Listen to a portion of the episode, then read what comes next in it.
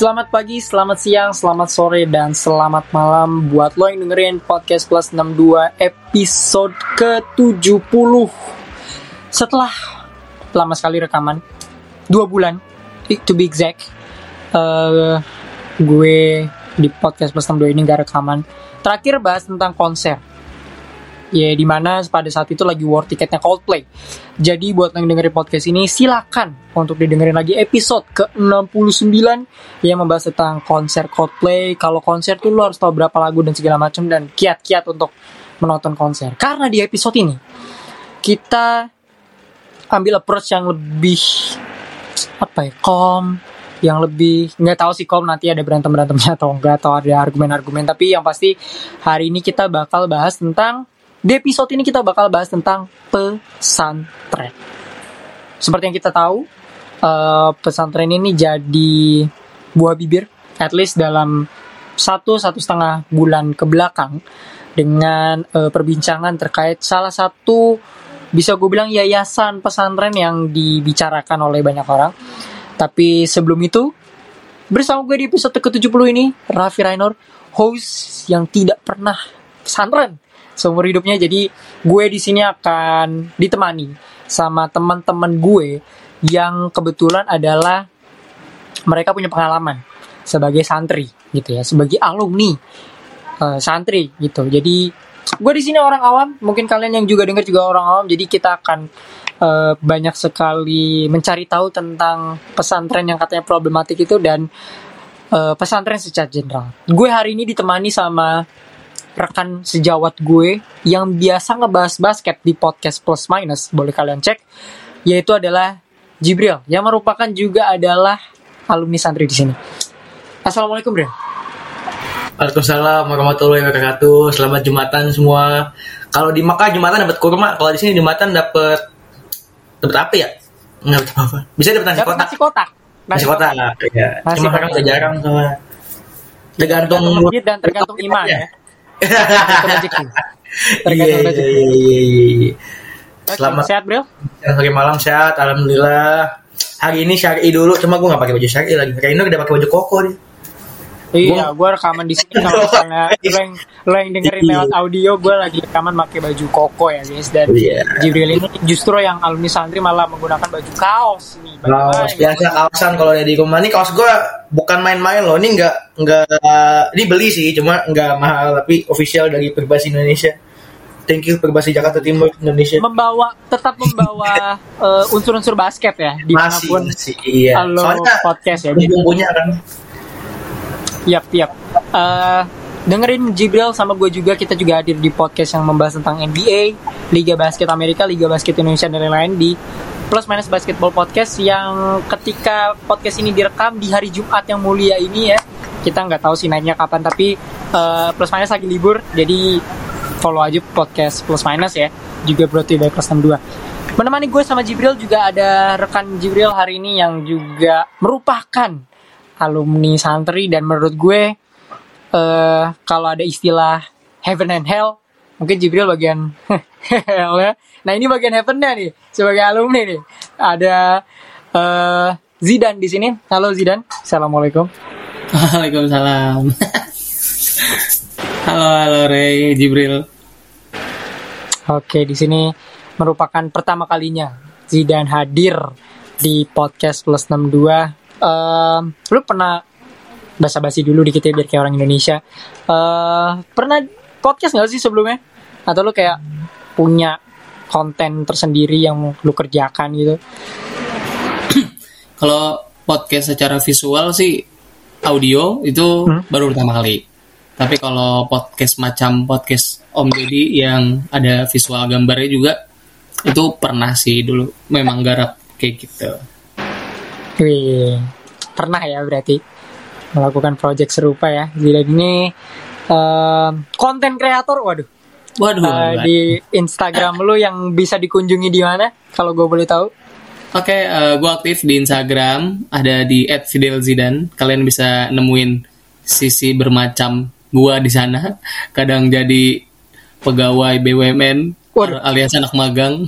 Anak magang. Kadang jadi tukang ayam goreng begitulah banyak multi multiverse. Iya. Apa pun dilakukan ya. Eh, Iya, iya, iya. multiverse dan multi talent dan multi apa pun lah kalau lu bisa eh, omongin. Tapi yang pasti bukan multi religion karena di sini eh, kita bakal bahas tentang pesantren. Jibril dan Zidan adalah anak pesantren di sini. Dan kebetulan kalau kalian tahu kemarin sempat ada pesantren yang cukup problematik mungkin ini eh, bahasa yang agak terlalu ofensif cuman kenapa gue bilang kayak gini? Karena diomongin sama orang tuh secara ya negatively ya. Di media-media yaitu adalah salah satu yayasan pesantren bisa gue bilang. Tapi koreksi gue kalau salah eh, guys. Tapi adalah Al Zaitun. Di sini kita akan bahas sedikit. Karena ada dua topik yang akan kita bahas. Yang pertama adalah pesantren Al Zaitun dan adalah pesantren secara general. Jadi buat lo yang dengerin audio wise stay dulu sampai akhir karena kita bakal bahas juga tentang pesantren di segmen kedua nanti. Eh, kita ngomongin Al Zaitun dulu. Kebetulan nih sekali lagi Zidan dan Jibril kebetulan dua-duanya adalah alumni dari eh, pesantren yang seger banget diomongin sama orang-orang. Walaupun sebenarnya mereka nih udah dibahas berkali-kali ya, cuman mungkin gue bisa bilang di era rapidnya sosial media ini di mana sem- semua orang bisa mengkonsumsi berita termasuk anak-anak muda yang lebih aware juga sekarang sama Al Zaitun. Termasuk Zidan yang di kontennya di Instagram juga ngomongin tentang eh, pesantrennya. Al Zaitun ini membuat polemik kalau gue nggak salah membuat perbincangan lah. Perihal ya mungkin banyak hal. Salah satunya adalah mungkin kontroversial dalam hal tata cara sholat yang sempat rame, tata cara azan, dan mungkin hal-hal lain seperti eh, nyanyian-nyanyian yang sebetulnya mungkin dalam perspektif beberapa orang tidak sesuai dengan koridor-koridor kaidah keislaman. Di sini gue sebagai host gue orang awam sama mungkin sep- seperti kalian yang, dengerin. That's why kita akan dengerin dulu eh, pendapat gue mulai dari Zidan dulu. Eh menurut lu apa yang terjadi sebenarnya dia Al Zaitun? Menurut lo apa yang terjadi dengan polemik-polemik ini? Mungkin anak-anak muda ini bukan bahasan mereka lah ya. Ini tuh bahasan orang-orang tua bahasan agama-agama yang cuman eh, mereka-mereka pemangku kebijakan atau mereka-mereka para politisi eh, atau kayak eh, ahli-ahli yang ngebahas gitu. Nah gue mau tahu dari lu sebagai perspektif alumni dan juga anak muda sebenarnya apa yang terjadi dengan polemik Al Zaitun ini dari kacamata lu gitu dari gua Ray. Jadi emang gua termasuk juga yang update atau sering ngasih ya insight lah terhadap masyarakat luas itu terkait sama eh, sekolah gue yang sempat viral gitu. Bukan sempat lagi bahkan masih viral gitu. Eh, kalau dari perspektif gue sih ini sebenarnya udah kita udah jadi makanan setahun tahun lah. Jadi setiap tahun memang selalu ada isu yang dikembangkan tidak sehari-hari. Setahun tahun tahun-tahun. Memang selalu ada isu yang dikembangkan dan isu yang keluar lah di publik tentang sekolah kami tercinta ya Bril Yeah. tentang Al Zaitun ini gitu. Ya mulai dari kasus-kasus yang memang hanya umurnya sebulan hanya umurnya seminggu. Nah ini nih kayaknya kasus yang paling banyak bandarnya nih Waduh. di mana orang-orang Bahasanya ini- bahaya banget bandarnya. Iya, di gitu. mana orang-orang ini terbagi menjadi beberapa kubu dan akhirnya membuat satu apa ya, membuat satu komunikasi publik yang menurut gua akhirnya terbuka untuk diskusi terkait perkembangan ilmu ataupun ter- terkait ilmu-ilmu yang tadinya dia belum pelajarin gitu. Kalau tanggapan gua sih sebagai alumni justru adalah eh, melihat perkembangan ini tuh gua ini tidak mewakili pihak Zaitun tapi pribadi gua itu sangat-sangat terbuka sangat-sangat maksudnya sangat-sangat ya mengakui bahwa gua adalah alumni walaupun saat ini polemiknya ini lebih ke arah negatif ya nah Yep. kita kan tugasnya sebagai alumni adalah mencoba untuk klarifikasi apa sih yang mereka pertanyakan gitu misalkan soal kesesatannya. At- misalkan soal kontroversinya. Ya kita sebagai alumni sudah menjadi konsekuensi menjadi garda, garda, garda terdepan gitu. Buat ngejelasin buat coba obrolin buat diskusiin sama teman-teman yang memang menanyakan apakah eh, fakta di Zaitun ini sesuai sama berita yang berkembang gitu. Jadi intinya sih kalau dari gua, gua sangat terbuka atau gua ya bisalah untuk diajak diskusi ataupun walaupun tidak membenarkan juga ya. Tapi gue sebagai alumni lebih banyak kayak lu tahu apa? gitu. Orang orang-orang yang non alumni lu tahu apa tentang sekolah gue sampai mengatakan berita-berita yang sudah overlapping sudah offside kartu kuning prit gitu Oke, oke. gitu sih kalau dari gue Tergantung perspektif wasitnya mana ya. Karena kan ada yang dikasih kartu kuningnya macam-macam, ya kan. waduh waduh Terus Zaitun dikasih kartu merah gitu kan. waduh waduh, waduh. Waduh, ya kan. Kartu merah Tergantung soalnya. wasitnya dibayar Eh, sama yang lebih mahal yang mana sih waduh Betul banget ya kan ini. So, tapi ini bukan tentang sepak bola guys masalahnya. Iya. Jadi eh, tapi soal apa yang terjadi itu nah, coba nanti gue akan tanyakan kepada lu. Bril menurut lu gimana soal polemik Al Zaitun ini dari perspektif lu? Sama kayak Zidan sebagai alumni juga dan sebagai mungkin suara anak muda juga. Karena gue gue melihat sih beberapa video alumni tapi it's way back back years ago gitu.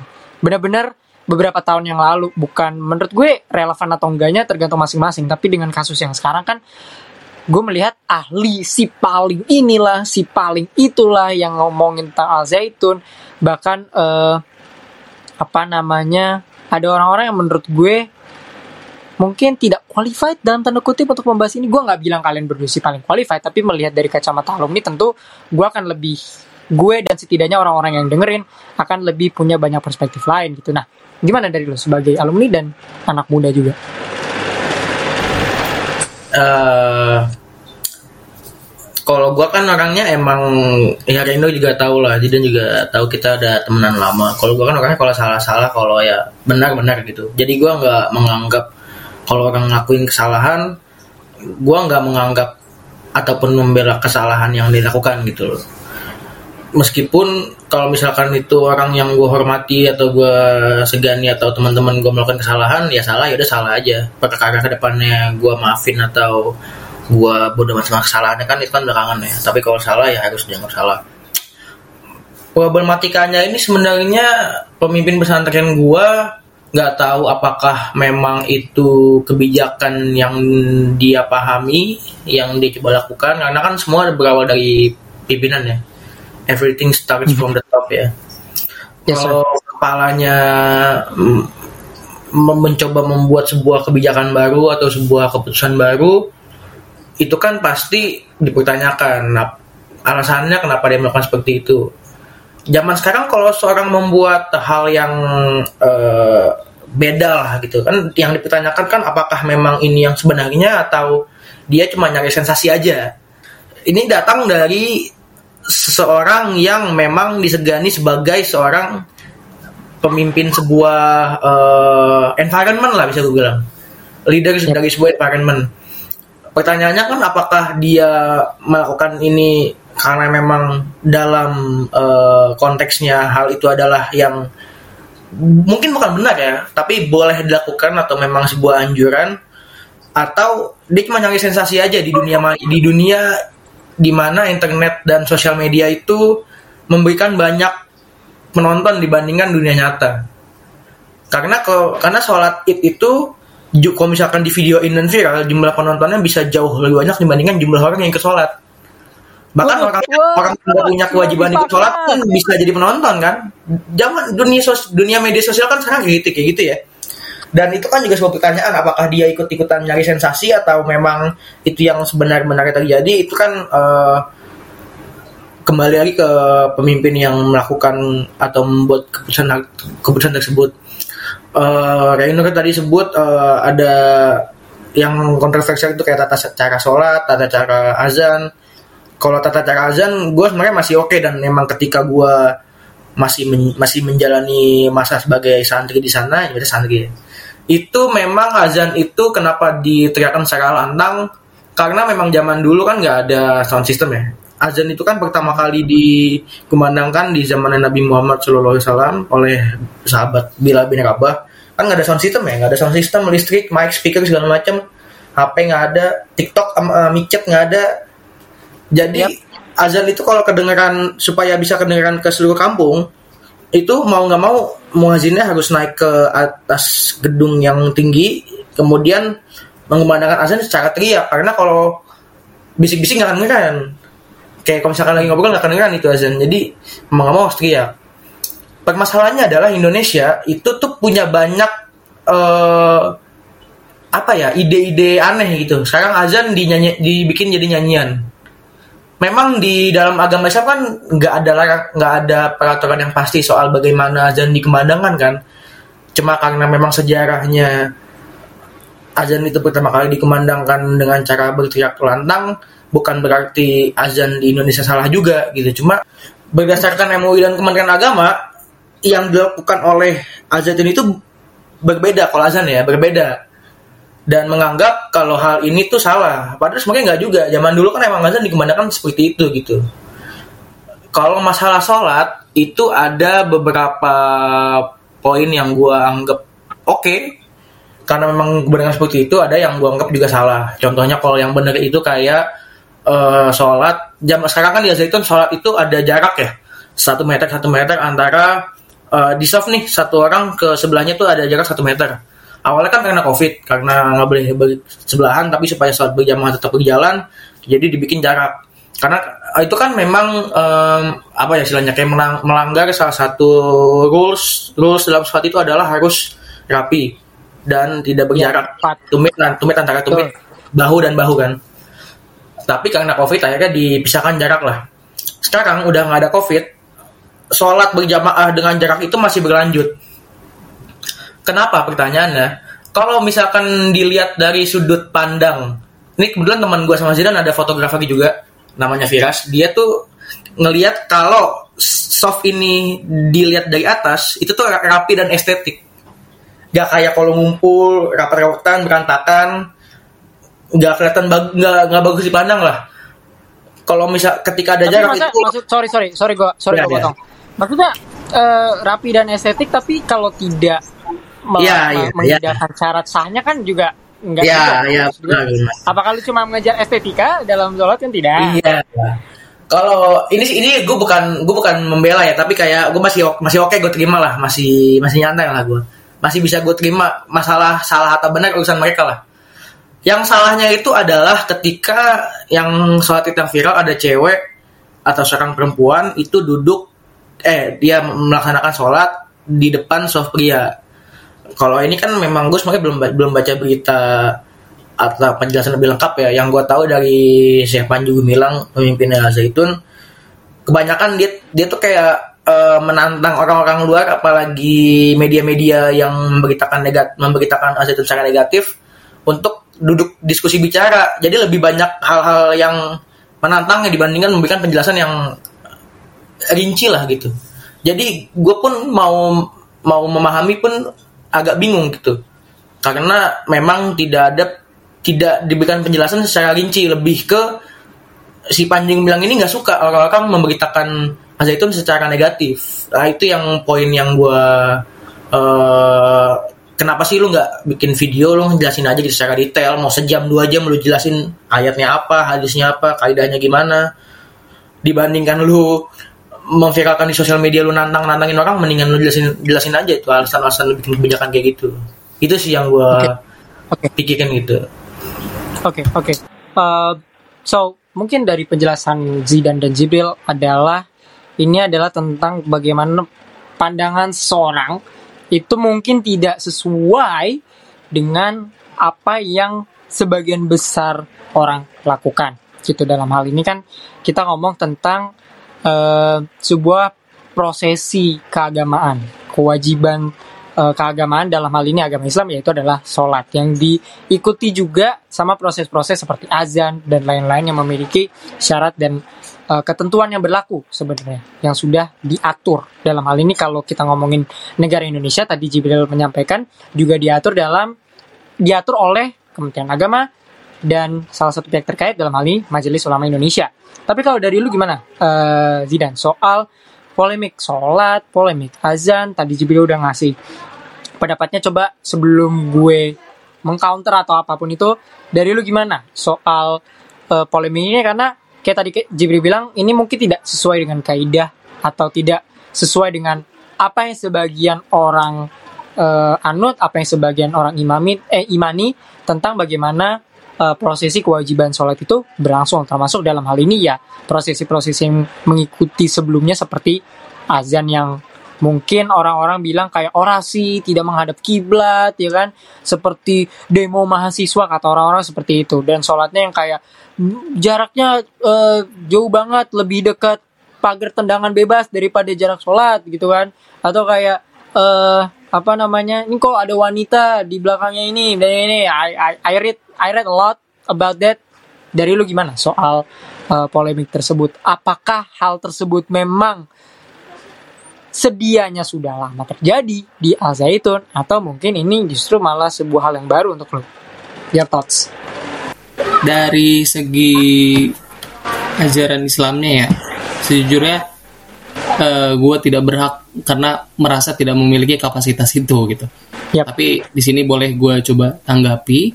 Jadi kalau karakter dari si pimpinan kita itu di Zaitun maksudnya ya yang dikenal oleh banyak orang si Syekh Zaidun ini itu tuh memang cenderung apa ya cenderung berbeda dari banyak kebanyakan orang atau kebanyakan ulama gitu jadi ya gue juga mempelajari secara pribadi ya untuk biografi dari si sosok Bapak Syekh Panji Gumilang ini gitu kalau polemik yang terjadi kan sebenarnya adalah ketidaksesuaian sama apa yang biasa dianut oleh masyarakat umum gitu.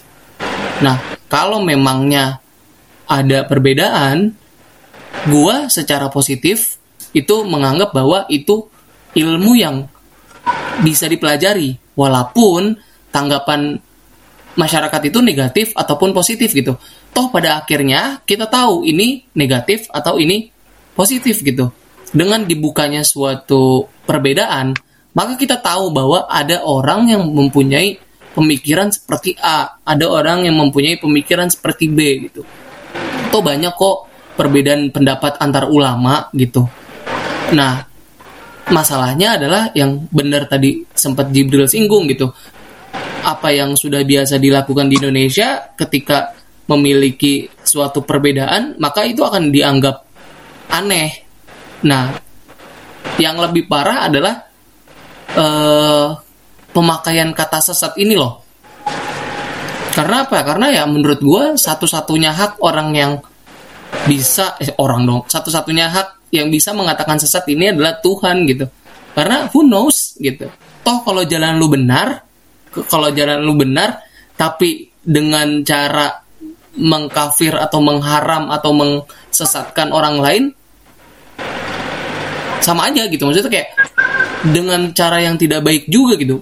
Banyak dicontohkan oleh beberapa ulama yang sampai saat ini uh, no comment no comment aja gitu. Tapi tahu kalau apa yang dilakukan oleh Syekh ini keliru, terus diingati, tapi tidak sekeras orang-orang yang so tahu di sosial media gitu. Wow. Kayak kita contoh misalnya ya ada ya kita uh, tabayun ke Ustadz siapa tuh Adi Dayat contoh. Beliau pernah uh, menanggapi hal ini gitu mengatakan bahwa dengan segala uh, pengetahuannya itu uh, beliau menjelaskan tapi tidak sekeras masyarakat yang justru tahunya dari TikTok gitu kalau ini sesat. Bagaimana mereka mengatakan sesat padahal yang dia pelajari adalah ilmu baru semenit sebelumnya gitu. Tanpa yep. tahu referensi-referensi lainnya gitu. Ya gua gua ya balik lagi gue tipe orang yang sebenarnya selalu melihat sisi positifnya Ray. Jadi apa pun yang ada terjadi polemik sekarang toh kalau salah kita akan tahu itu salah. Toh kalau keliru kita akan tahu kalau itu keliru kalau misalnya nggak ada orang yang seperti ini kita nggak tahu kalau itu keliru gitu kan. Dan pada akhirnya juga eh, apa yang dilakukan oleh Syekh ini adalah referensi eh, sorry adalah hasil dari referensi-referensi yang mungkin pertama dia pelajari. Terus yang kedua yang dia lak, apa ya yang dia orang-orang yang dia temui gitu loh maksudnya bukan karena satu faktor tiba-tiba dia bikin ajaran baru atau beliau bikin terobosan baru gitu pasti beliau ini uh, hasil dari beberapa referensi yang dia pelajari karena gue itu salah satu orang yang menjadi saksi juga re jadi gue sering menghadap beliau untuk kegiatan-kegiatan santri dulu. Mhm. Nah itu memang emang bukunya bukunya apa banyak banget banyak banget dan makanan beliau sehari-hari adalah buku gitu. Bahkan kalau fakta-fakta belakangan ini Ray dia ternyata dia ternyata salah satu penggiat dari hasil-hasil karyanya Cak Nur gitu. Oh, oke.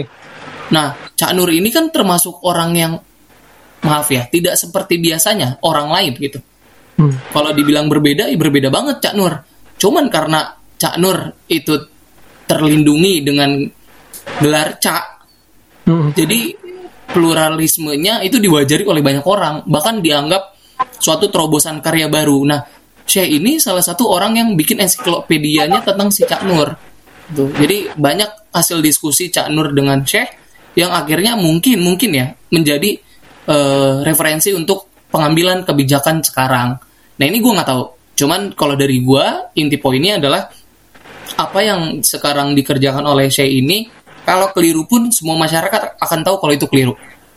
Kalau benar, semua masyarakat akhirnya pada tahu kalau itu ada satu ilmu yang mungkin orang-orang belum dapat dan da- didapat dari hasil apa ya kontroversi azaitun gitu sih. Oke, Jadi oke. negatif positif akan kembali lagi ke orangnya bagaimana menyikapinya. Oke, oke.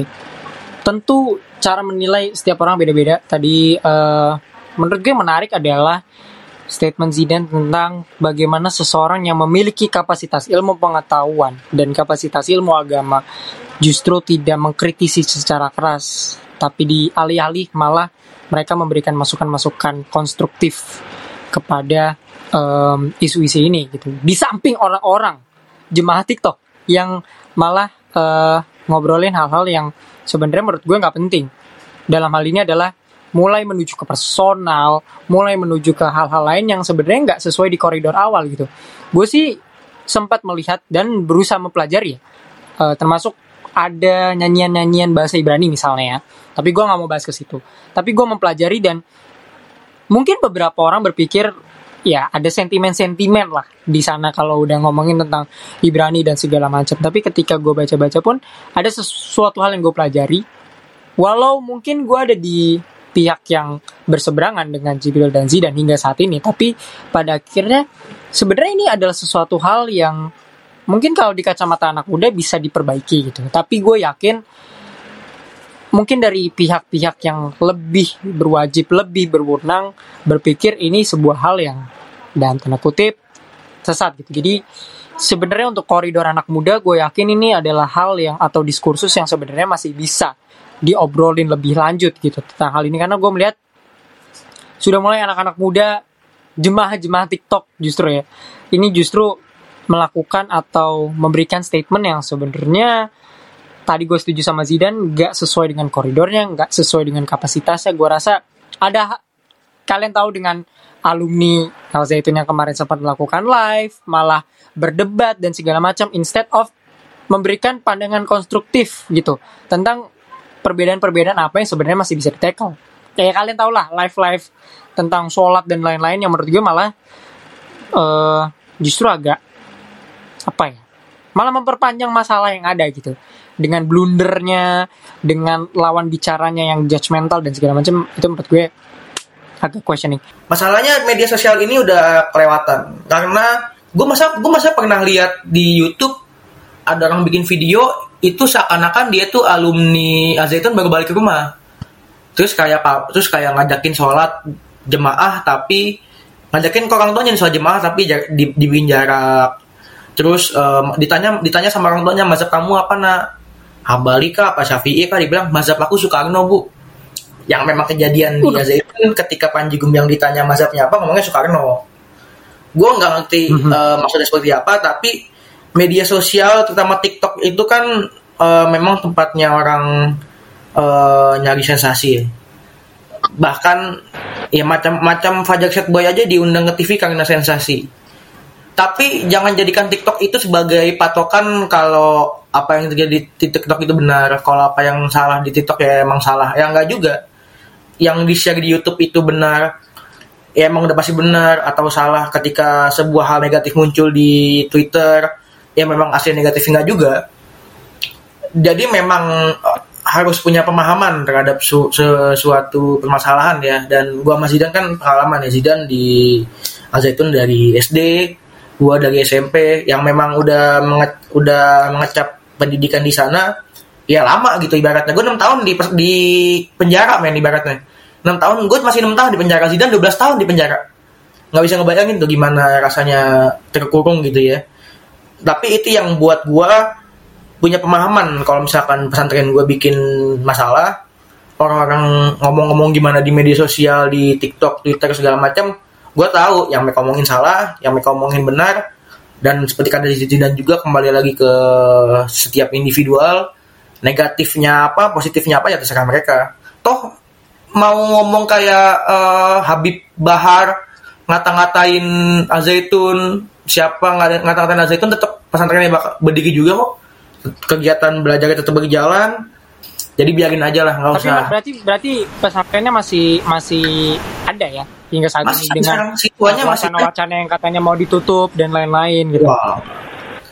tutup menutup itu okay. kuasanya gue bisa bilang Kementerian Pendidikan eh Kementerian Pendidikan ya yang ber, yang bertanggung jawab atas sebuah uh, instansi pendidikan Kementerian Pendidikan ya. Gue lupa deh.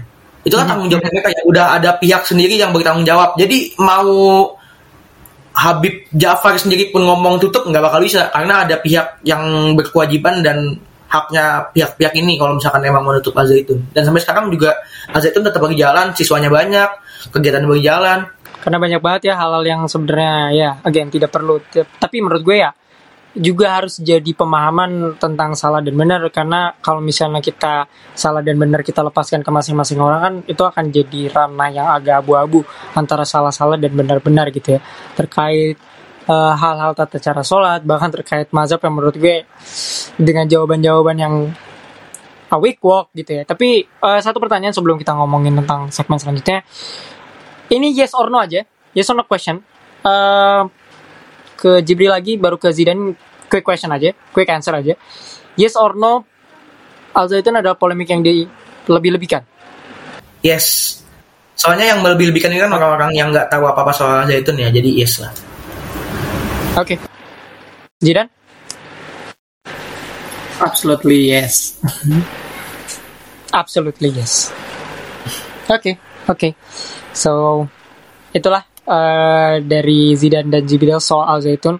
Kalau dengerin ini di Spotify, lu bisa um, masukin ke Q&A kita menurut kalian gimana tentang polemik Al Zaitun dan fitur polling kita tentang uh, pesantren. Karena di menit selanjutnya kita akan ngomongin tentang pesantren. Dengan keberadaan isu-isu Al Zaitun dan segala macam dan kalau kita tarik ke belakang sedikit banyak banget isu-isu negatif tentang pesantren yang membuat pesantren ini punya stereotip yang sangat buruk guys dalam beberapa tahun terakhir gitu stereotip tentang uh, ajaran sesat stereotip tentang uh, bullying stereotip tentang pelecehan seksual stereotip stereotip buruk masuk banget ke pesantren sehingga dalam 3 sampai 4 tahun terakhir kalau kita nyari kata pesantren masalah aja yang keluar So, uh, ke Zidan, menurut lu gimana tentang stereotip orang terhadap pesantren pada akhir-akhir ini? Lu sebagai uh, alumni santri sendiri, gimana melihat stereotip ini? Menurut lu apakah uh, tepat dengan kasus akhir-akhir ini atau menurut lu stereotip ini secara general bisa dirubah sama orang dan kenapa? Oke, okay. kalau dari gue sih sebenarnya uh, tentang pesantren ini karena basisnya pesantren ini adalah tradisional. Terkenalnya adalah pesantren ini basisnya tradisional gitu. Jadi dengan adanya demografi terus juga dengan adanya hiburan-hiburan yang sudah terlanjur dikonsumsi sama banyak orang termasuk anak-anak generasi yang harusnya e, mengenyam pendidikan secara aktif itu mereka sudah terlalu banyak ya. Menurut gue terlalu banyak. Bukannya tidak boleh tapi terlalu banyak mengkonsumsi hiburan yang berlebihan. Akhirnya mereka ini konotasinya ketika kembali atau back to tradisional dengan artian hiburan mereka dibatasi kan kalau pesantren ini hiburannya dibatasi ya nah hiburan atau akses hiburan mereka dibatasi mereka pasti secara eh, natural akan menolak gitu. Karena apa? Ya karena pertama kebebasan mereka pasti akan mengurang. Yang kedua adalah akses hiburan, terus akses segala macam yang biasa mereka dapatkan, privilege serta eh, apa ya kultural masyarakat yang begitu banyak itu mereka akan merasa hilang. Sedangkan di pesantren ini eh, konotasinya itu tradisional dan ya udah lu belajar kitab terus lu melakukan kegiatan-kegiatan agama yang akhirnya merasa bahwa anak-anak ini tidak apa ya anak-anak ini tidak tertarik untuk bergabung ke pesantren gitu intinya sih adalah eh, pandangan orang terhadap pesantren ini memang akan terus tradisional. Padahal begitu apa orang masuk ke pesantren ini tidak semua pesantren pada umumnya itu buruk gitu. Memang tergantung si target orang tuanya ini apakah memang mau punya background atau mau punya bekal anaknya ke arah agama yang lebih baik atau ke arah yang biasa-biasa aja gitu. Jadi back to pilihan orang tua masing-masing untuk menyolok me- eh, menyekolahkan anaknya atau tidak. Iya. Eh kalau stereotip itu sebenarnya nggak salah dan nggak benar ya, karena gue dulu juga merasakan di pesantren itu, gue kan memang di pesantren bukan eh, ibaratnya bukan bocah baik-baik ya. Ada bandelnya juga, ada bolosnya juga, ada kasusnya juga.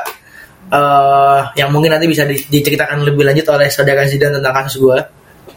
Tapi memang pesantren itu adalah tempat yang tidak cocok untuk orang yang tidak suka pesantren tempat yang tidak cocok untuk orang-orang yang nggak suka terkungkung gitu istilahnya.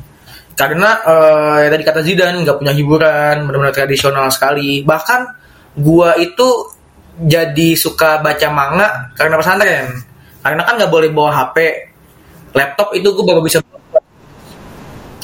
Sebenarnya ada peraturan nggak boleh, cuma eh, salah satu argumen gua, lu nggak bolehin gua bawa alat elektronik, at least lu bolehin gua bawa bacaan dong gue kan bacaan nggak bisa mengakses hal-hal yang negatif kecuali memang bukunya buku bokep gitu istilahnya kan ini kan memang ma- manga yang manga-manga eh kayak One Piece, Slam Dunk, Beelzebub, manga-manga yang tenar dan trendy saat itulah.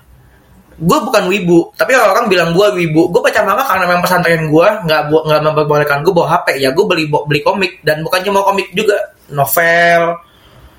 Gue bawa dan gue beli karena memang di sana benar-benar ada hiburan dan saat satu hiburan gue ya ya baca buku gitu dan itu memang hal-hal yang sangat-sangat tidak gue sukai karena gue sangat-sangat menyukai kebebasan gue nggak suka disuruh-suruh dilarang-larang melakukan apa pun yang belum tentu ke depannya larangan ini akan memberikan efek bagus buat gue toh sekarang gue juga kerjaan gue main HP kerjaan gue main laptop main game hal-hal yang dulu nggak pernah gue rasain gue lakuin.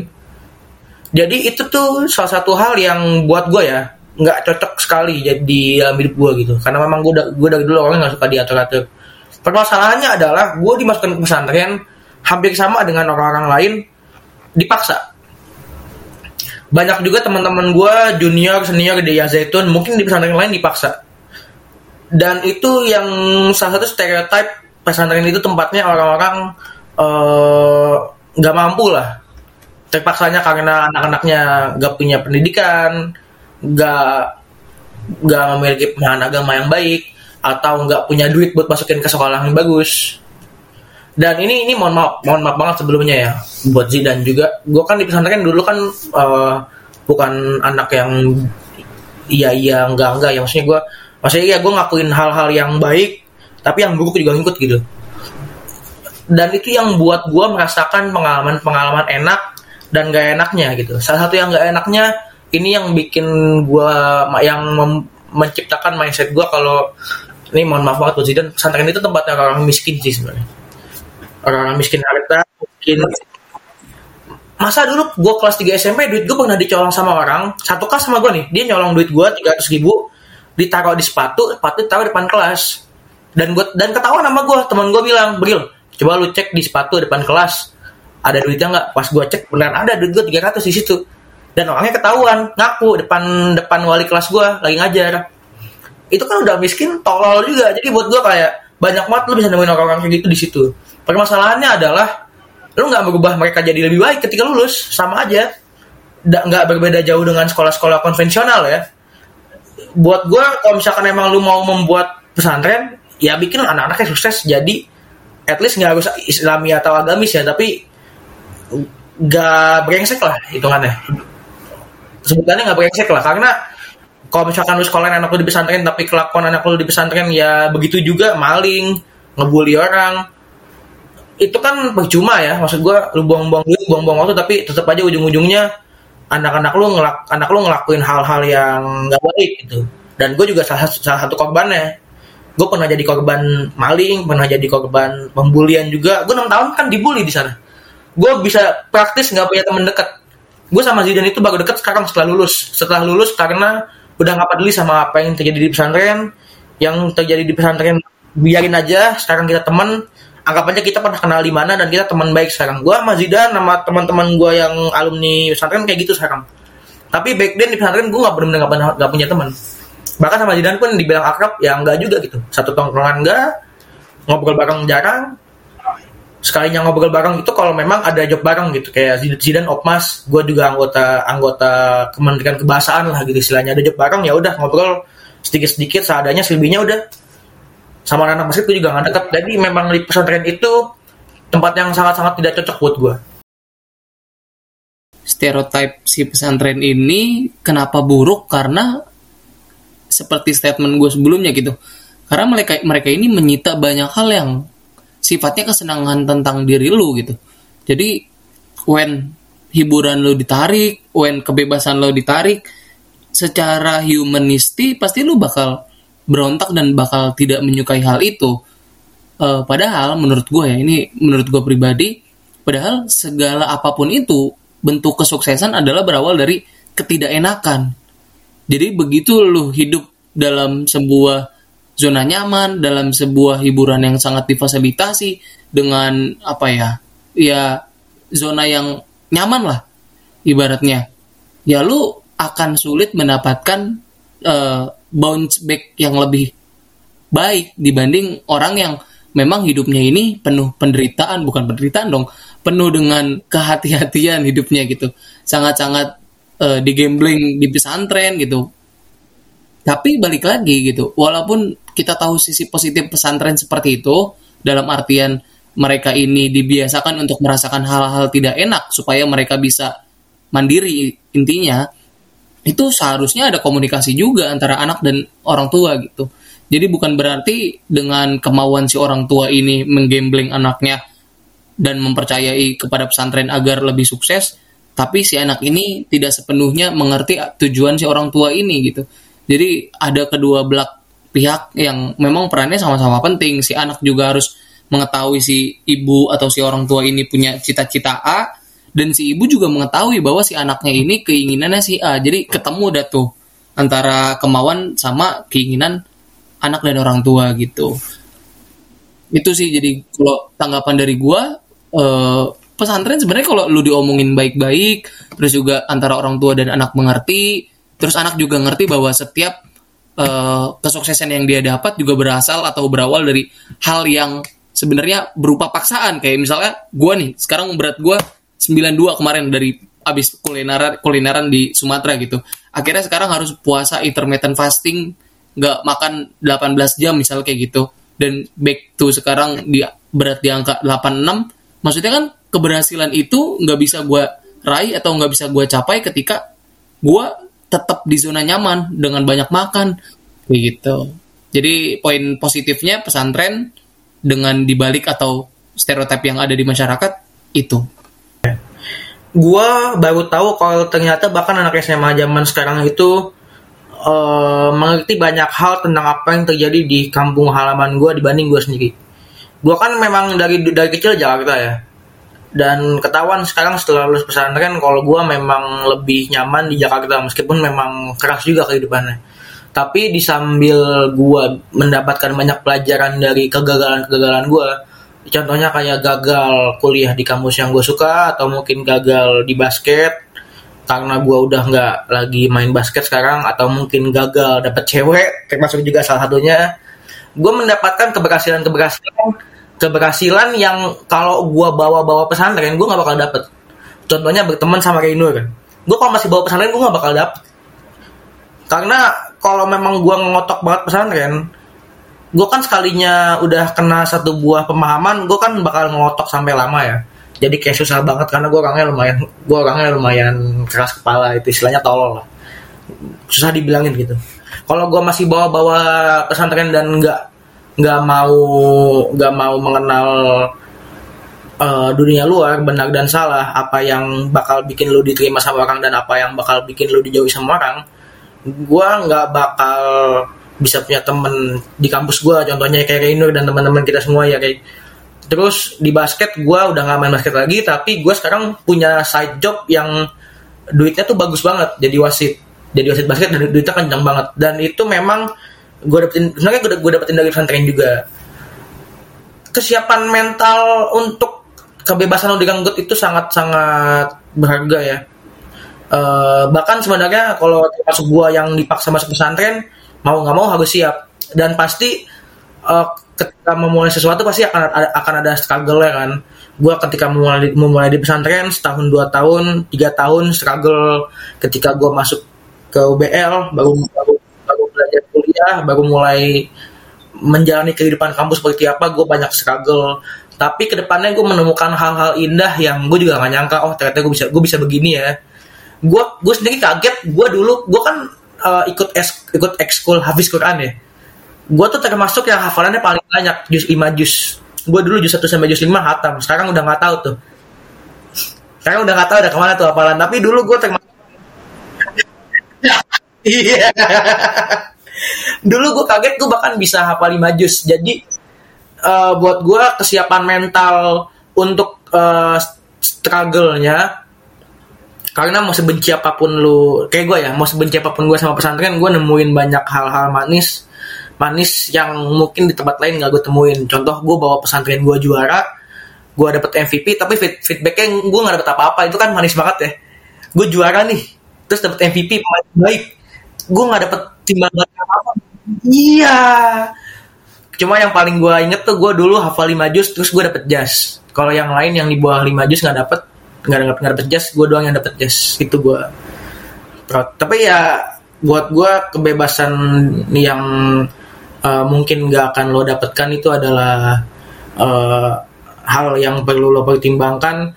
Apalagi kalau lo masuknya dipaksa ya lo mau nggak mau harus siap itu tapi uh, struggle lo di awal pasti akan membuahkan hasil yang manis sih buat gue kayak gitu. Oke, okay, itulah pendapat dari Jibril dan Zidan ya tadi soal stereotip pesantren. Emang ternyata banyak hal-hal yang gue nilai sebagai hal-hal intangible ya guys. Uh, intangible tuh dalam artian hal-hal yang tidak kelihatan faktor-faktor yang mungkin kalian baru pelajari ketika terjun di pesantren banget. Karena lu nggak bisa mengantisipasi apa yang akan terjadi di sana apalagi Zidan udah 12 tahun di sana Jibril juga udah enam tahun. Gue rasa kesiapan-kesiapan hal-hal seperti mental kali ya juga diperlukan ketika lu masuk ke pesantren. Kayak Jibril tadi kita dengar dia masuk karena terpaksa masuk karena permintaan orang tua. Yang mengharuskan dia untuk mau nggak mau menyelesaikan masa studinya di pesantren selama enam tahun. Dan menurut gue kalau lu tidak siap dengan itu lu akan menjalani sesuatu dengan seadanya. Dan itulah yang menurut gue juga jadi stereotip yang jelek karena orang mungkin berpikir masuk pesantren karena paksaan, masuk pesantren karena ini, karena itu gitu. Bukan seperti Zidan yang emang pengen punya kesiapan dan punya dukungan moral dari orang tua yang menurut gue juga harus penting gitu. Karena mungkin stereotip jelek itu berasal dari hal-hal tersebut, hal-hal paksaan yang membuat oknum-oknum di dalamnya melakukan hal-hal yang tidak pada seharusnya gitu. Jadi pendapat Zidan dan Jibril kalau teman-teman dengerin tadi adalah dua pendapat berbeda yang mungkin bisa jadi pertimbangan untuk teman-teman yang pengen adiknya masuk ke pesantren atau nanti sebagai orang tua mau masukin anaknya ke pesantren atau boarding school atau malah ke sekolah konvensional seperti kita yang lainnya. So, itulah mungkin dari episode ke-70 kita bahas tentang stereotip pesantren. Tadi di segmen pertama kita juga bahas tentang polemik Al Zaitun salah satu pesantren yang cukup lama ya di Indonesia namun punya banyak sekali hal-hal atau polemik-polemik yang sedang dibahas akhir-akhir ini tentang tata cara sholat, azan dan segala macam. So, kalau lu dengerin di Spotify sampai menit ini ikutan Q&A kita dan polling ya di bawah deskripsi episode ini. Terima kasih kepada Zidan udah main-main ke podcast ini mudah-mudahan ini bukan yang terakhir ya men. Lu ke sini banyak banget hal-hal yang pengen kita dengar dari Zidan di podcast plus 62 dan terima kasih untuk Jibril. Jangan lupa untuk dengerin Jibril dan gue di plus minus basketball podcast brought to you by plus 62 podcast network. Sampai ketemu lagi di episode selanjutnya episode 71 kita akan bahas tentang UMKM di Indonesia. Terima kasih udah dengerin. Stay healthy and cheers